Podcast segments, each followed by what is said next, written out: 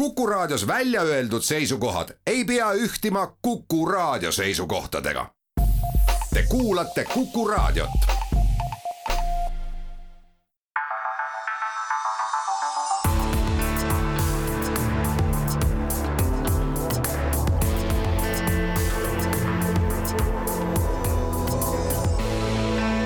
olukorrast ajakirjanduses tere lõunat, meil on kahekümne esimene november, väljas on Siber, tundub vist ja Kuku raadio stuudios on Rein Lang ja Väino Koorberg. me räägime möödunud nädalast ajakirjanduses, me eh, eriliselt palju ei jõua pühenduda väärikus ja vabaduse päevale Ukrainas. Eh, me ei, vist ei räägi ka fonograafi leiutamise saja neljakümne viiendast aastapäevast mis tegelikult võiks ka ühtepidi olla ajakirjandusega seotud, eks ju.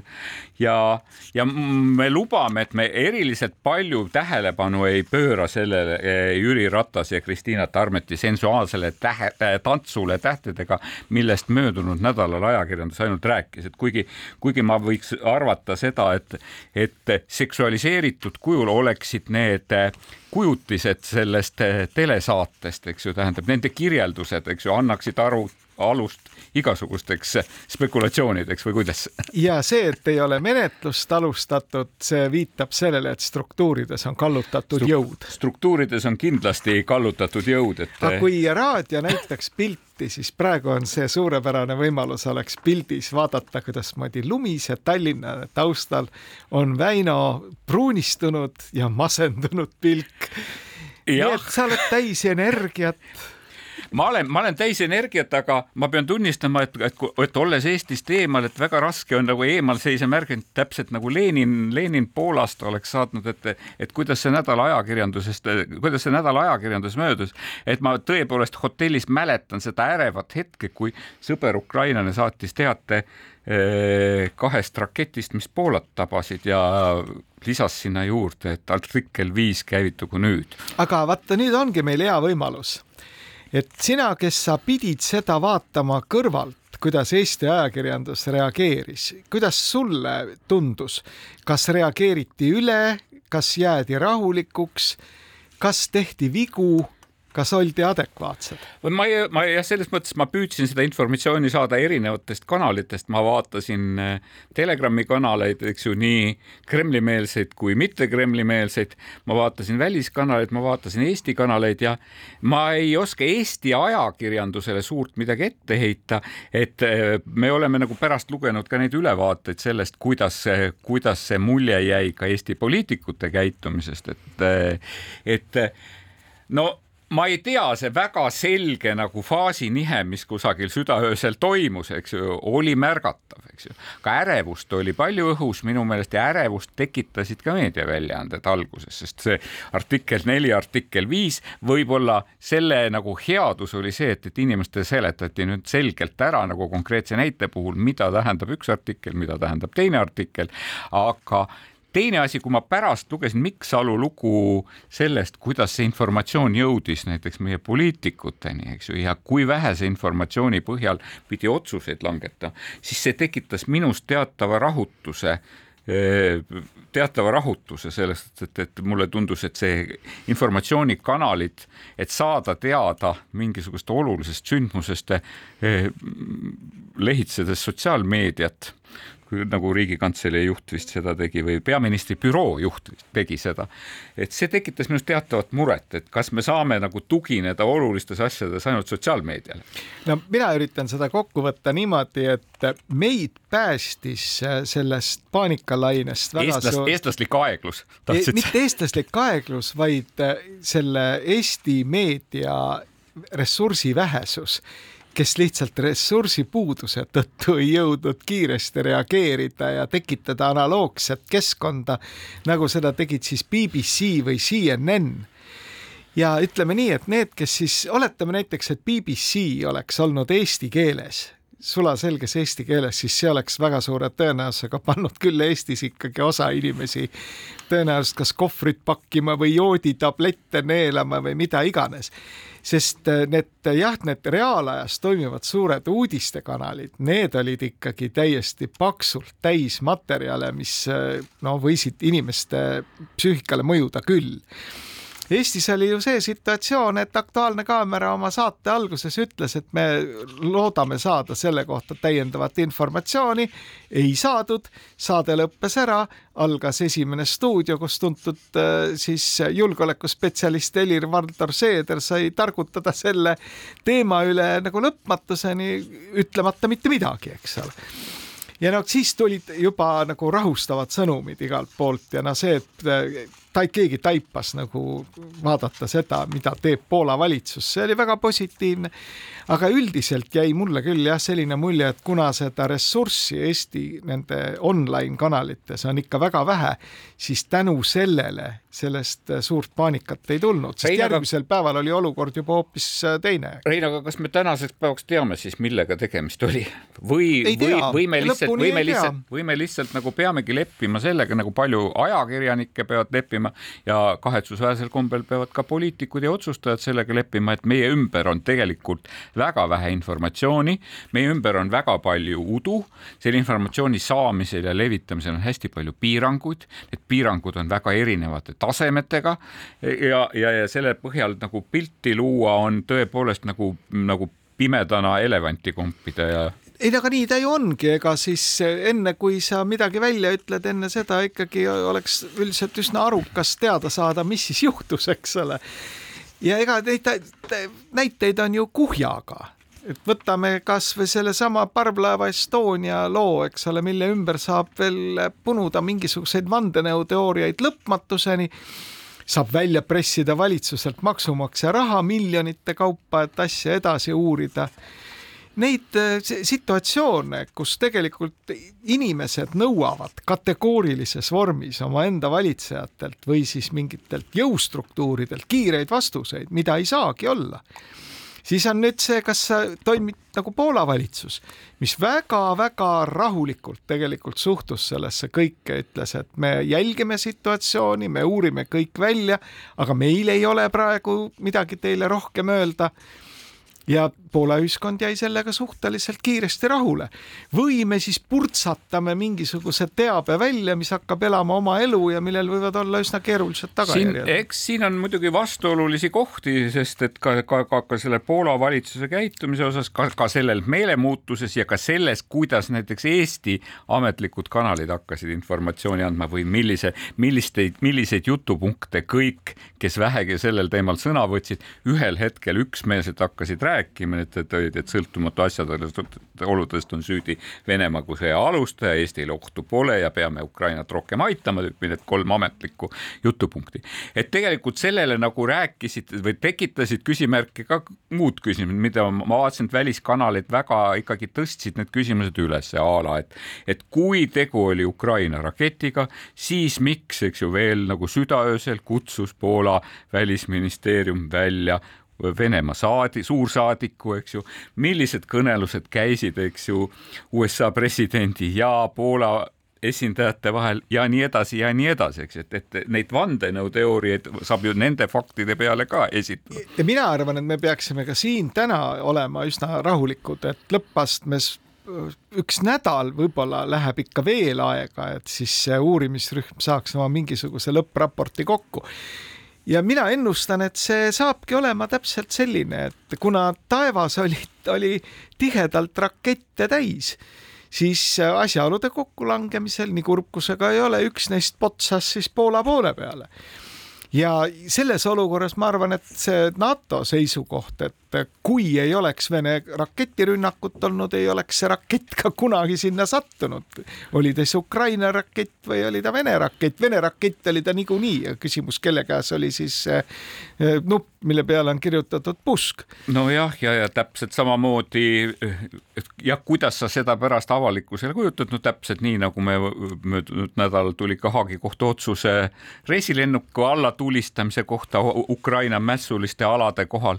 jah, ja, ja kusjuures, et mis oli, mis jäigi nagu minu meelest Eesti meediast üsna tähelepanuta, tõsi, seda mainiti kui fakti, aga jäi jällegi analüüsita, et see kohus ju mõistis ühe mehe õigeks kes oli selle raketi väljatulistamisega seotud nii et, et õigusriik on väga aeglane, see protsess ju kestis nüüd ligemale no kümmet aastat päris mitte, aga kokku siis kaheksa aastat. jah, ja, ja, ja need tulemused ja kohtuotsused ei pruugi olla nagu üks-ühele vastata avalikkuse ootustele on üks asi. Ja teine väga huvitav tähele, ma vaatasin, kuidas Vene propaganda seda, seda uudist kajastas, et nemad olid siis, lasid tõde paista sedapidi, et, et süüdi on Ukraina.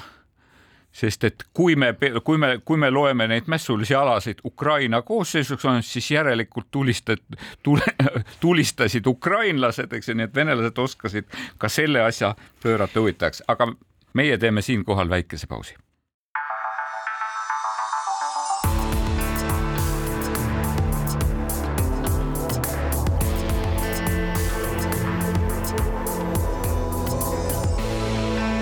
olukorrast ajakirjanduses. kaks meest, Rein Lang ja Väino Koorberg on viinavabriku kõrval stuudios ja, ja me räägime räägime sellest, kuidas asjad hakkavad inimestele ohtlikuks muutuma, kui ma tsiteerin Kaarel Tarandit, tema, tema arvamusloost äh, Sirbis, siis äh, siiani on Eestis kir seadustes kirjas olnud, et elutud asjad võivad olla ohtlikud küll, kuid põhjenduseks on ikka füüsika, et et kui nad äh, murenema hakkavad, ilmastikutunnid joone küljest langevad, siis kivi võib inimesele pähe kukkuda, eks niimoodi. aga et nüüd väidavad kõrged ametnikud seda, et hooned, rajatised, monumendid, skulptuurid, muu inimkätega lood ohustab ühiskonnaliikmeid ja avalikke korda muudel põhjustel. Neil on hing, maailmavaade ja nad on ühiskonnaelu aktiivsed subjektid, kelle tegevust kirjeldatakse ühe eelnõu seletuskirjas verbidega riivavad, õhutavad, õigustavad ja toetavad. me räägime ikkagi sellest, et ühtepidi, et tuleks buldooseritega maha võtta kõik äh, punamonumendid ja teisipidi pärast seda tuleks haarata äh, haamer ja meisel ja raiuda siis hoonete küljest maha kõik, kõik Eesti julgeolekut ohustavad väikesed kaunistused jah, kusjuures see on huvitav, et selles avalikus ruumis ma olen täheldanud needsamad inimesed, kes räägivad vajadusest kaitsta viimase hingetõmbeni ja kuni põlvepikkuse poisikeseni igaühe õigus suust välja ajada ükskõik mis plära räägivad seda täna surmtõsiselt, et tuleb võtta meisel ja haamer ja asuda viljapäid ja vapp hoonetelt maha Ise, võtma. isegi seda ma võiksin öelda, et needsamad inimesed räägivad ka sellest, et, et kui jube on see, kui Pipit tuleb ümber kirjutada ja neegrikuningast tuleb saada lõunamaade valitseja, peab saama lõunamaade valitseja, et kui halb see on, eks ju, et ja meid tuleb kaitsta selle eest. Needsamad inimesed arvavad, et me siis võtame ja, ja, ja Stockmanni vastas olevalt kortermajalt võtame selle viisnurga maha, pärast seda on julgeolekuoht kadunud, aga mida peaks ajakirjandus tegema siis sellega, et kui meil on, tulevad uudised selle kohta, kuidas on äh, salastatud komisjon koostanud salastatud nimekirja kolmesaja kahekümnest objektist, mis kujutavad endast salastatud julgeolekuohtu ja pärast seda luuakse veel üks salajane komisjon, mis pärast iga selle üksikjuhi salaja üle vaatab ja see komisjoni ettepanek on soovituslik, otsest lammutamiskohustust sellega ei kaasne, samas kui selliseid omanikke, kes seda tõsiselt ei võta. Eh, kui on selliseid omanikke, siis lubab minister, et küll me leiame teie vastu ka rohtu küll me leiame mehe meisli ja, ja haamriga. et, et, et, et kuidas peaks ajakirjandus sellesse, sellesse siis nagu praegu suhtuma ja ühtepidi, kas ajakirjandus peaks otseselt ikkagi rääkima sellest, et, et alates pronksiööst on meil ju nagu seadusandlik alus kõikide nende monumentide eemast-, eemaldamiseks olemas, ainult et ei ole olnud olulist tahet seda täide viia. et, et kui praegu minister sellel teemal hoolega sõna võtab, et siis ainult selleks, et ta saaks püüne peal esineda, ta saaks paista ja valimiste eel nagu hääli koguda. no diagnoos oli sul muidugi täpne et mis ajakirjandus peaks vaatama peeglisse, et miks ta on olnud niivõrd rahulik ja, ja ükskõikne kõige selle jama suhtes. et ajakirjandus on endiselt... lasknud poliitikutel igavest, igasugu jama suust välja ei, mitte seda, ma ütlen, et tegelikult on ju neid kõikvõimalikke sümboleid, neid okupatsioonisümboleid, mina täiesti ühinen siin Ignar Fjukiga, kes ütleb, et ärme kasuta sõna punasümbol või punamonument, kasutame sõna okupatsioonisümbolid, eks ole, mis laiutavad meie avalikus ruumis siin aastaid et miks ajakirjandus ei ole siis oma, teinud oma tööd nagu pidevalt, teinud neist pilte, eks ole, ja esitanud küsimusi esitanud omanikele küsim... või Tallinna linnavalitsusele et... või Kohtla-Järve linnavalitsusele. me peaksime, Rein, et me peaksime võib-olla ise isegi tuhka pähe raputama, sellepärast et kui vaatame, kui kangekaelselt ajakirjandus hüppas Karla katedraali kaitsele, eks ju, tähendab selle no mis oli nagu puhas okupatsiooni sümbol, oli ehitatud eh, betoonist eh, kättesaadavast puidust ja marmorist, eks ju, üks, üks kast, eks ju, kus selleks, et Karl Vaino saaks seal nagu kõnesid pidada, eks ju, et nüüd, kui sellest on tehtud kaunis kaubanduskeskus, ei vingu keegi, eks ju noh, ega mis ta nüüd nii väga kaunis on, aga igal juhul on ta oma tööd ju ära teinud nende aastate jooksul, kas me siis tõesti kujutame ette, et Tallinna kesklinnas oleks mingisugune selline poliitiliste koosolekute saal edasi võinud laiutada aga hüva, et ajakirjandus kindlasti minu meelest peaks tegelikult esitama endale küsimuse, et miks ta üldse laskis selle situatsiooni selleni, et keegi sai tõmmata endale nagu täiesti teenimatut tähelepanu mingisuguse initsiatiiviga ja näidates ennast kui inimest, kes nüüd tuleb välja sellise puhastab Eesti puhastab Eesti, kuna keegi teine ei ole seda enne teinud ja no ütleme õiguslikult muidugi oleks vist ajakirjanikult palju tahta, et ta süveneks sellesse õiguslikku keskkonda, et kas seda ehitusseadustiku muudatust, mille valitsus saatis parlamenti, et kas seda üldse nagu vaja on minu hinnangul ei ole vaja.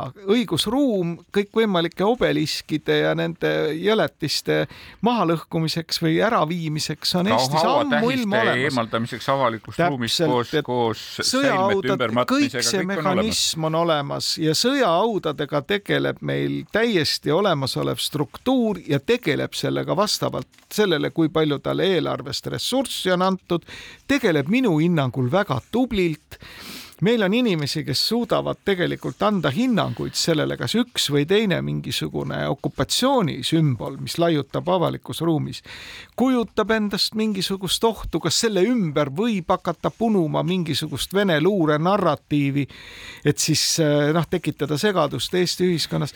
see tegevus oleks, peaks olema meil igapäevane, kuna me elame sellise naabri kõrval ja nüüd see kõik on taandunud mingisugusele ühekordsele aktsioonile, kus keegi saab särada ja, ja selle ümber tulevad ju kõikvõimalikud vandenõuteooriad siis, et noh, et issand jumal, mis nüüd saab, et tõepoolest majade fassaadidelt hakatakse äkki kipsist viljapäid meisliga maha lõhkuma. Mart Kalm pööras niivõrd andekalt minu arust selle kõik temale omaselt absurdiks Esimeses stuudios kui ta ütles, et, et no mis me nüüd piirdume ainult siis nende äh, majade kaunistustega, eks ole. terved majad. terved Sa... majad on ju inetud. mul on, mul on nagu mitu, mul on mitu küsimust selles suhtes, et ühtepidi, et, et kui me nagu läheme punasümbolite kaotamise, punasümbolite kaotamisele, okupatsioonisümbolitele, siis mina arvan küll, et kõige selgemalt seda Eesti okupatsiooni on sümboliseerinud üks maja, mis asus, seisis Lenini monumendi taga eks ju, praegu seda Lenini monumenti ei ole, temast ei ole tehtud Darth Vaderi kuju, nagu mõnes kohas on armsalt tehtud, eh, ümber ehitatud, aga, aga et eh, praegu kannab see koht nime Islandi väljak, see oli see koht, kust tegelikult juhiti Eestimaa okupeerimist, eks ju, teisitimõtlejate tagakiusamist, kõike seda, kus istus Rein Ristlan ja karjus, eks ju, ka ajakirjanike peale, et eh, et see maja tuleks minu meelest maani maha kiskuda ja kuigi seal on praegu välisministeerium võib-olla need parajasti superministeeriumi vabanenud korrustele, et mis on külmakartuses ära viidud, eh, kust on inimesed evakueeritud, saaks selle sinna kolida, et sinna asemele saaks ühe toreda kaubanduskeskuse, aga ja teine ja teine maja vaatab vastu riigikogulastele iga kord, kui nad eh, lähevad rõdu peale, eks ju, ja vaatavad sinna väljaku peale alla Aleksander Nevski katedraal, mida ju Eesti valitsus tuhande üheksasaja üheksateistkümnendal aastal tõsimeeli üritas maha lõhkuda kui venestamise sümbolit. ja nüüd üheksakümnendate lõpus ja kahe tuhandete alguses see, sellesama Eesti, Eestit kui turi-, armast e, e, turis-, põhjamaist turismimaad reklaamitakse tegelikult sellesama uue, sümboliga. uue sibulaga muide mis vaatab meile vastu, kui me tuleme laevaga Helsingi poolt, siis me näeme, et Toompeal on üks suur äh, okupatsioonisümbol ja Lasnamäel kõrgub teine. Mere poolt Lasnamäe, vaatab kohe vastu. Lasnamäe sümboli ju tekitasid sinna nende, sellesama partei juhtivad poliitikud, kes täna ajavad siis seda meisli ja haamri asja. Toonane linnapea Tõnis Palts, esitame talle küsimuse, kuidasmoodi see värdjas sai sinna Lasnamäe klindi peale tekkida nii et noh, see tegelikult muudab väga paljud asjad Eestis naeruväärseks, selline järjekordne aktsioon, niisugune noh, action plan. Ja noh, kurb on muidugi vaadata, et teine pool siis, kes no ei, ei saagi objektiivselt olla väga nõus sellega, et nüüd mingitest kunstiväärtustest üritatakse siis osa kuidagi kas kinni katta või maha lõhkuda. ega see seltskond on ju samasugune, eks ole, tema läheb selle näitemänguga väga edukalt kaasa, tõmmates oma sae käima ja tulemuseks on selline lõbus kõikide sõda, kõikide vastu. võidavad kõik. võidavad kõik jah. ja selmet tõesti, et, et teha seda tööd nagu igapäevaselt. ma saan aru et teatud omavalitsustes on väga keeruline saavutada nagu mõistlikku lahendust. Narva oli ju hea näide, et see tank tuli sealt igal juhul minema viia, narvalased ise sellega hakkama ei saanud ja olemasoleva seaduse raames tuli Eesti Vabariik ja viis selle tanki sealt minema, ei olnud vaja mingit seaduse parandust teha kuskil kui on sellised näited veel kuskil, ma arvan, et Eesti Vabariik saab alati täna näidata ka vajalikku jõudu. aga meil on ju olemas omavalitsused, kellest üheksakümmend protsenti on ju täiesti eestimeelsed ja eitavad igasugustki vajadust hakata okupatsiooni siin ülistama, eks ole, toimunud okupatsiooni. Nemad on täiesti pädevad minu meelest hindama ka seda, kas avalikku ruumi üks või teine asi siis sobib või mitte. kas sellega tuleb tegeleda või ei tule tegeleda, see peaks olema meie igapäevane töö ja igapäevane töö ajakirjandusel täpselt samamoodi. minu ainukene küsimus ongi selle juures, et, et, et miks see protsess peab olema selline salajane, eks ju. ma tahtsin just enne öelda, et kui sa siin kõvu, kõvasid äh, väljendeid kasutasid eh, nii mõnegi asja aadressil, eks ju, et kas ka sind on nagu määratud tapanimekirja, eks ju, et sind tuleks salastada. No see, selles mingisugune loogika on nüüd, et enne kui otsus on vastu võetud, et enne seda, seda arutatavate objektide nimekirja nagu ajalehes ära ei trükita. sest see. arutajate nimekiri. aga see, et arutajad on meil kui, nagu jah. ma nagu praegu mõtlesin, et kui Putini, Putini kättemaks võib neid nagu tabada, et, et kui kaitstud Eesti siis on ja kui, kui julge võiks Eestis olla, kui me ootame seda Putini kättemaksu. no ja kas on Eestis siis tõesti nüüd kätte jõudnud selline hirmuajajärk, et need inimesed, kes annavad siis hinnanguid mingitele asjadele, mis võiksid kahjustada meid, meie mõtteviisi või, või siis teenimatult aitavad kaasa naaberriigi sigatsemisele, et nemad peavad siis saama mingisuguse salajasuse templi endale külge ja võib-olla siis ihukaitse ka. et noh, kui me oleme nii arad, et me ei julge ise isegi niisuguste asjadega tegeleda, no miks me siis oletame, et kui asi tõsisemaks läheb, et me siis julgeme üldse vastu hakata. nii et kõik see sõnum, see, see signaal ühiskonnale on pehmelt öeldes jabur. see pärineb mingisugusest ajast, mil, mille sümboliks need monumendid on, eks ju, mille sümboliks oli raamatute eemaldamine raamatukogudest, raamatute hävitamine, raamatute paigutamine erakogudest, kuigi me teame, et seal, et Olga Lauristin oli vist toona see, kes, kes selle protsessi eest vastutas. aga meie teeme siinkohal väikest pausi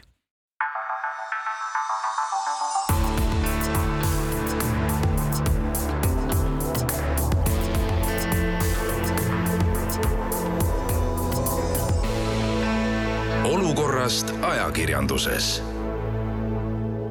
Rein Lang ja Väino Koorberg Kuku raadio stuudios, ikka räägime ajakirjandusest, rääkisime salajastest ametnikest salajasi nimekirja koostamas, aga rääkisime ka sellest, et, et needsamad ideed mida salajastes komisjonides arutatakse ja vaagitakse, et teisipidi tavaliselt kerkivad poliitikute peades enne valimisi, enne valimisi püüab iga poliitik püünele ronida ja me teame tavaliselt ikka, et mida punasem on ahvi tagumik, eks ju, seda paremini paistab see silma, et seda me oleme ju tegelikult märganud ka praegu, et et ühtepidi, et osa poliitikuid, isegi ametnikke on tõmmanud Ukraina presidendi kombel endale nagu peaaegu et sõjalise rüü selga, et, et mõjuda mehisema ja jõulisemana.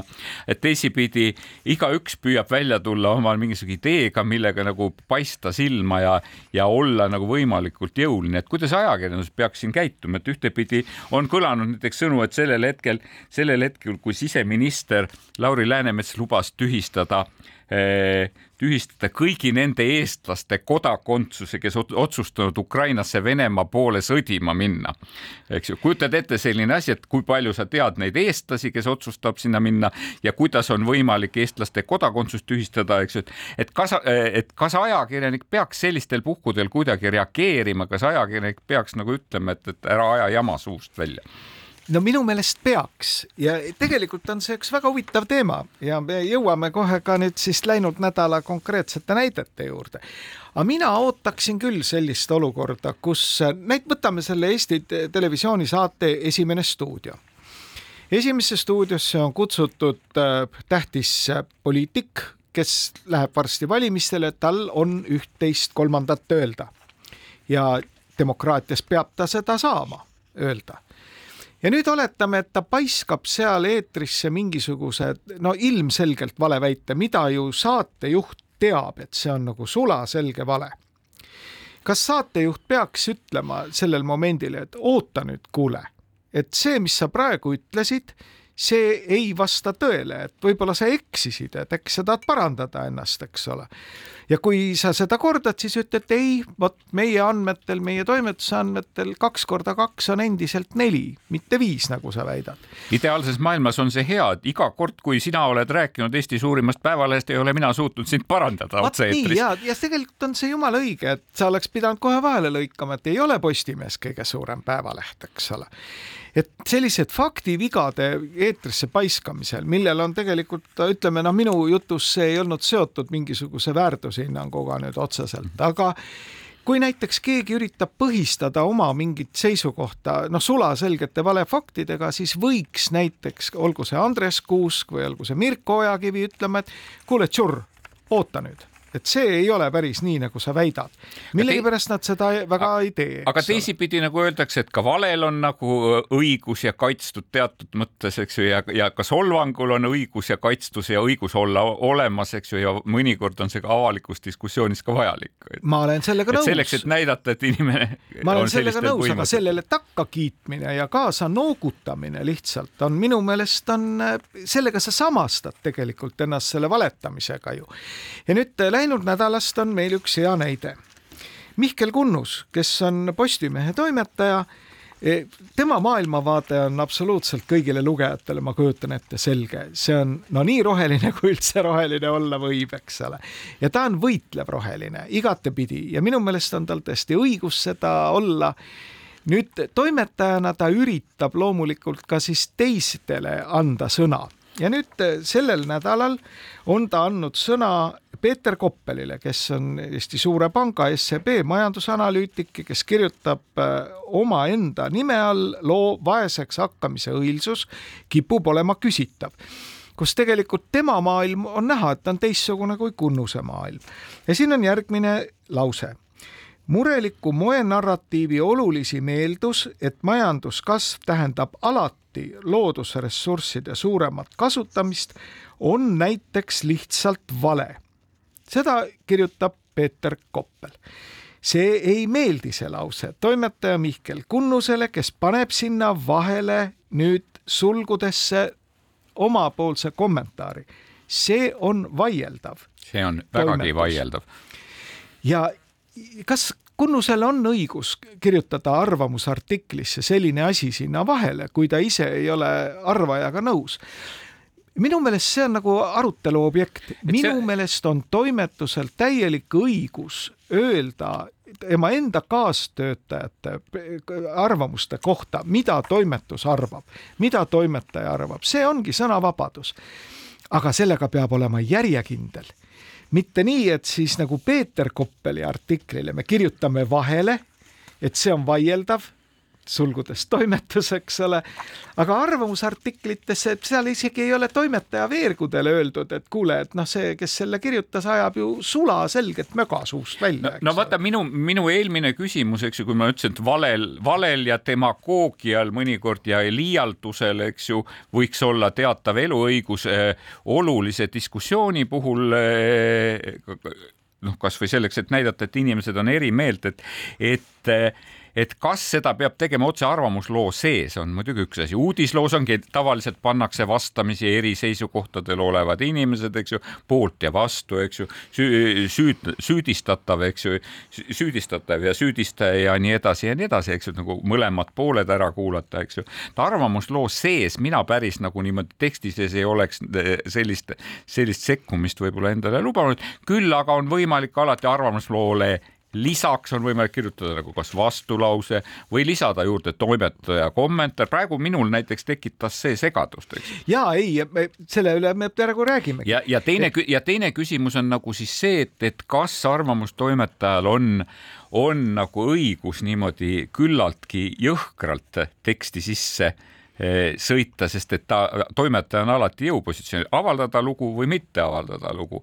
et praegusel hetkel eh, tahaks teada, et kas Peeter Koppel oli selle kommentaariga sellisel kohal ka nõus. vot ja me jõuamegi tegelikult siin nüüd selle kahvli küsimuse juurde, et kui ma ütlesin, et eh, kas toimetusel on õigus selliseid sulgudes tehtavaid märkusi teha, ma väidan, et üldiselt on, kui toimetus on selles suhtes järjekindel selles konkreetses asjas on nüüd küll niimoodi, et lisaks sellele, et Koppeli loosse on sisse kirjutatud nüüd äh, Kunnuse enda poolt see toimetuse sulgudes mhm. seisukoht, et see ei ole mitte vale, vaid on vaieldav ja kõrval on Kunnuse enda lugu, mille pealkiri on siis Pumpame raugal musklid üles, kus ta sisuliselt vastandub, eks ole, Koppeli kogu mõtteviisile. et on sellised, vot see olekski nagu klassikaline arvamusloo, eks ju, et on, on e-, editorial'i op-ed, eks ju, ehk et, et nagu toimetuse või toimetuse ajakirjaniku seisukoht ja selle vastas on, eks ju, keegi, kes on teisel seisukohal, et see ei tähenda seda, et toimetaja jõuga sinu arvamusloosse sisse läheb. no vot, nüüd ongi see küsimus, et kas see on eetiline või ei ole eetiline.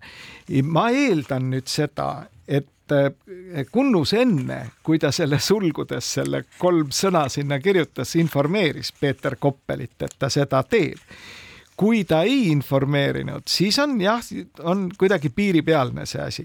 aga mida ma öelda tahan, on see, et kui niisugust toimetamismalli Postimees kavatseb jätkata, mis iseenesest ei ole mingil moel vastuolus ajakirjanduse eetikaga, vähemalt minu arvates, siis ta peab olema selles suhtes järjekindel. ta peab seda tegema pidevalt näitama seda, et neil toimetuses on arukad inimesed, eks ole, ja kui sinna kaastööd viia, siis valetamine, vassimine või noh, täiesti sulaselge lamemaa teooria edastamine ei ole okei okay., mis siis, et me selle avaldame, sellepärast et avaldama peaks kõiki vaateid. aga ajakirjaniku ja, ja väljaande vastutusest plaanime rääkida pärast pausi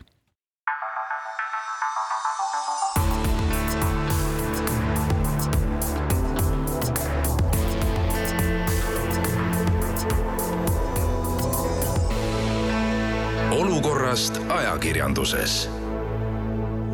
Rein Lang ja Väino Koorberg Kuku raadio stuudios, me oleme juba teist saadet äh, järjest tahtnud rääkida natukene ajakirjanike vaigistamisest, lähtudes ühest kohtuotsusest, mis Riigikohtus äh, sai kinnitust lõpuks, et Riigikohus ei võtnud menetlusse Katrin Lusti Eh, süüdimõistmist ja, ja temalt välja mõistetud hüvitist ühe ravitseja kasuks. Ja see lugu oli nagu märkimisväärne sellepärast, et, et, et sedapuhku oli siis hagetud ajakirjanikku, mitte telejaama, kus saade eetrisse läks ja hagetud väidete eest, mida ei öelnud mitte ajakirjanik, vaid väited, mida oli kirjutanud selle mingi ühe telesaate vastutav toimetaja ja öelnud diktoreet kaadri taga, eks ju niimoodi. ja sealt kerkiski nüüd küsimus, et kas siis, kui hagejad püüavad oma, oma hagid pöörata konkreetse ajakirjaniku, mitte meediaorganisatsiooni vastu, kas see vaigistab ajakirjanikke või see on ajakirjanikele õiglane jumala karistus? no oleme kõigepealt täpsed, et keegi ei ole Katrin Lusti süüdi mõistnud, see termin süüdimõistmine on ikkagi nagu karistusõiguslik äh, kategooria. küsimus on selles, et kohus mõistis välja hüvitise ja, ja kohustas, kohustas ümber lükkama. jah, mis väited, on puhas tsiviilasi, eks ole, siin ei ole karistusõigusega meil mingit pistmist tähendab, siin on nüüd viimase paari nädala jooksul on tunded keenud eh, üles, eks ole. ei no möödunud nädalal veel tegelikult eh, riigikohtunik Urmas Voolensi intervjuu Mikk Salule pani sinna nagu tuure juurde, tundus mulle. see, mida Urmas Voolens rääkis Mikk Salule, on ju kehtiva õiguskorra selgitamine, ei midagi rohkemat ja minu jaoks oli ikkagi väga üllatav noorepõlve advokaadi reaktsioon sellele, kus ta nagu nimetab tegelikult riigikohtunikku paanikakülvajaks ja jumal teab veel mida. Ja kui ma hakkasin mõtlema, miks ta seda teeb, siis mulle küll jäi selline mulje, et äh, see oli rohkem suunatud tema potentsiaalsele või olemasolevale klientuurile. Rein, ma ei ole siin sinuga üldsegi nõus, sellepärast et Urmas Voolens küsimuse peale, kas see tähendab, et inimese, inimene võib kaevata ka Aktuaalse Kaamera diktori peale, diktor tihti ise ei koosta tekste, ta on põhimõtteliselt inimkehas robot, kes et, kes loeb ette kellegi teise teksti eh,.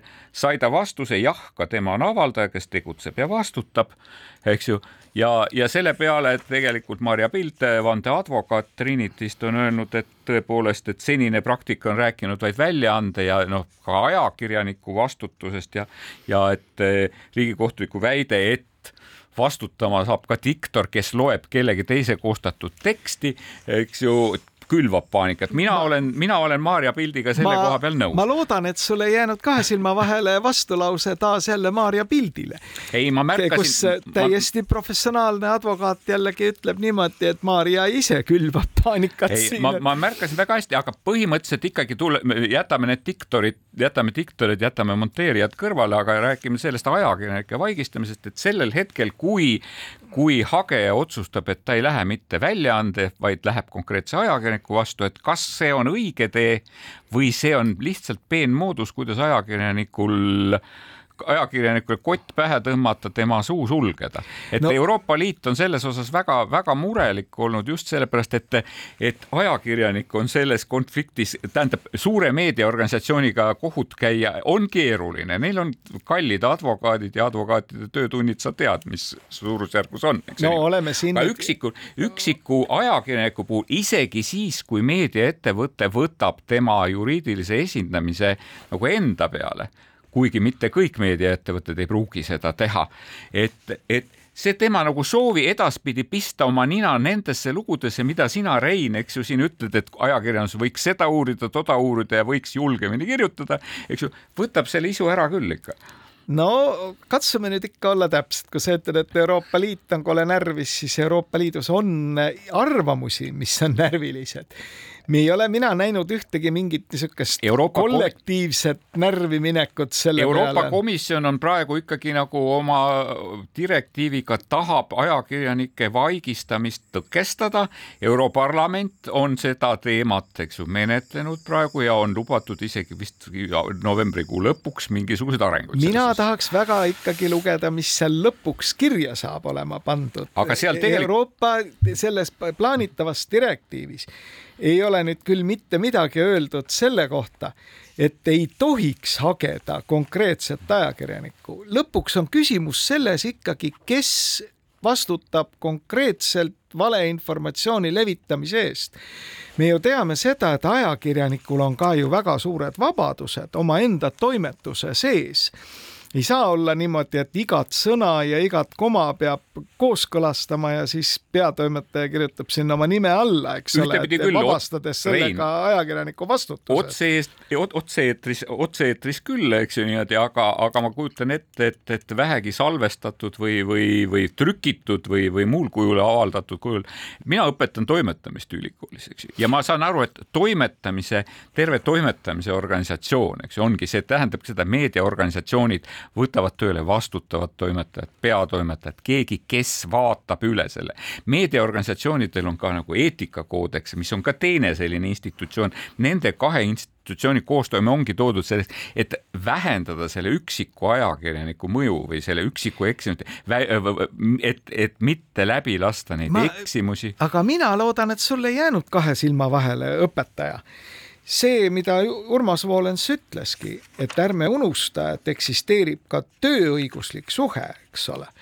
Et juhul, kui inimene töötab konkreetses meediaettevõttes, siis see tema vastutuse määr on hoopis teistsugune, kui sa tuled nagu freelancer'ina või siis vabakutselisena mingis kanalis võtad sõna, sest seal on need, need vastutused hoopis teise kategooria peal nüüd mina üritan alati eh, kõikide nende ajakirjanike tohutute hirmude juures, et nüüd nad vaigistatakse, lüüakse suu kinni või noh, ütleme poliitilistel motiividel ilmub mingi pilt taas jälle, kus kellelgi on suu kinni teibitud.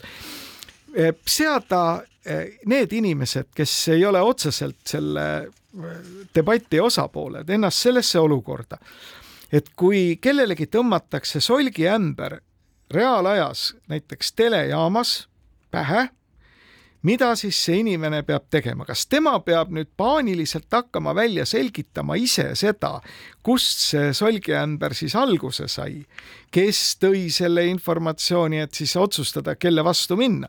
Või võib tema minna siis konkreetse avaldaja vastu, ehk siis see, keda tema nägi ja tuhanded teised inimesed nägid teleekraanil mingit soppa kellelegi kaela valamas. ja selles ei ole midagi valet, et ta võib seda teha. tähendab, igal nendel pressideliktide puhul vaidlusel on ju see dimensioon, et keegi kannab kahju kedagi kahjustatakse ja see, keda kahjustatakse, temal on ju ka mingid õigused.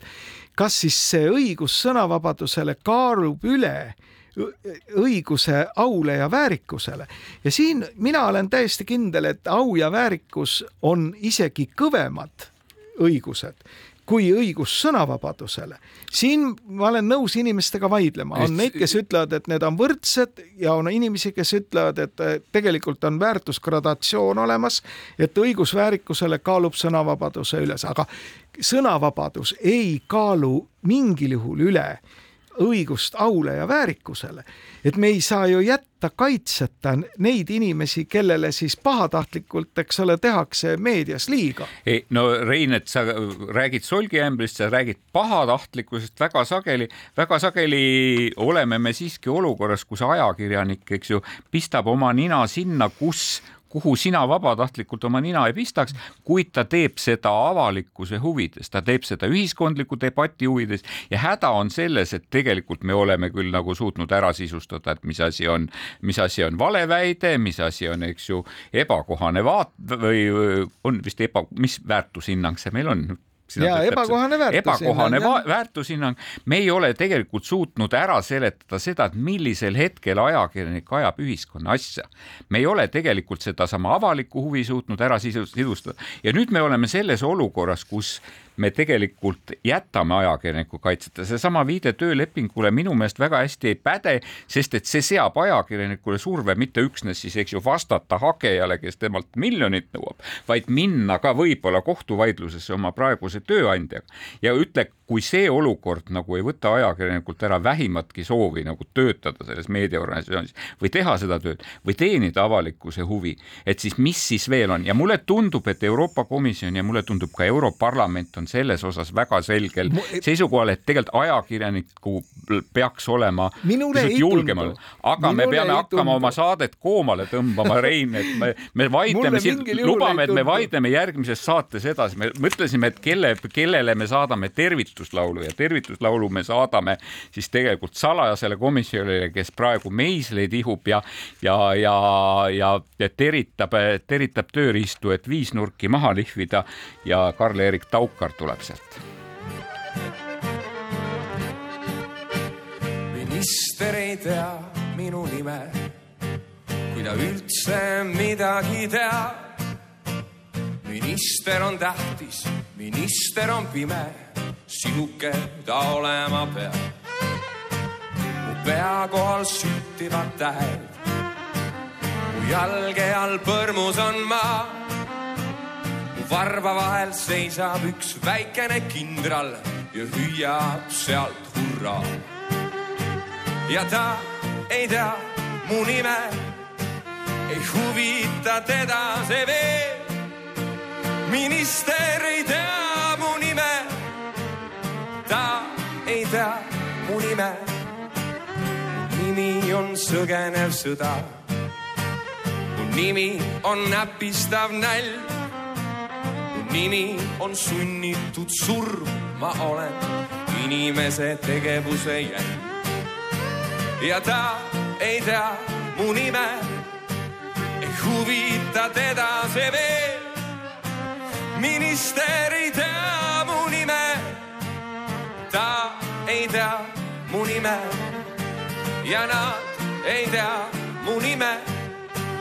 Nad pole näinudki mind, ka kindral ei tea mu nime. Nad ei tea mu nime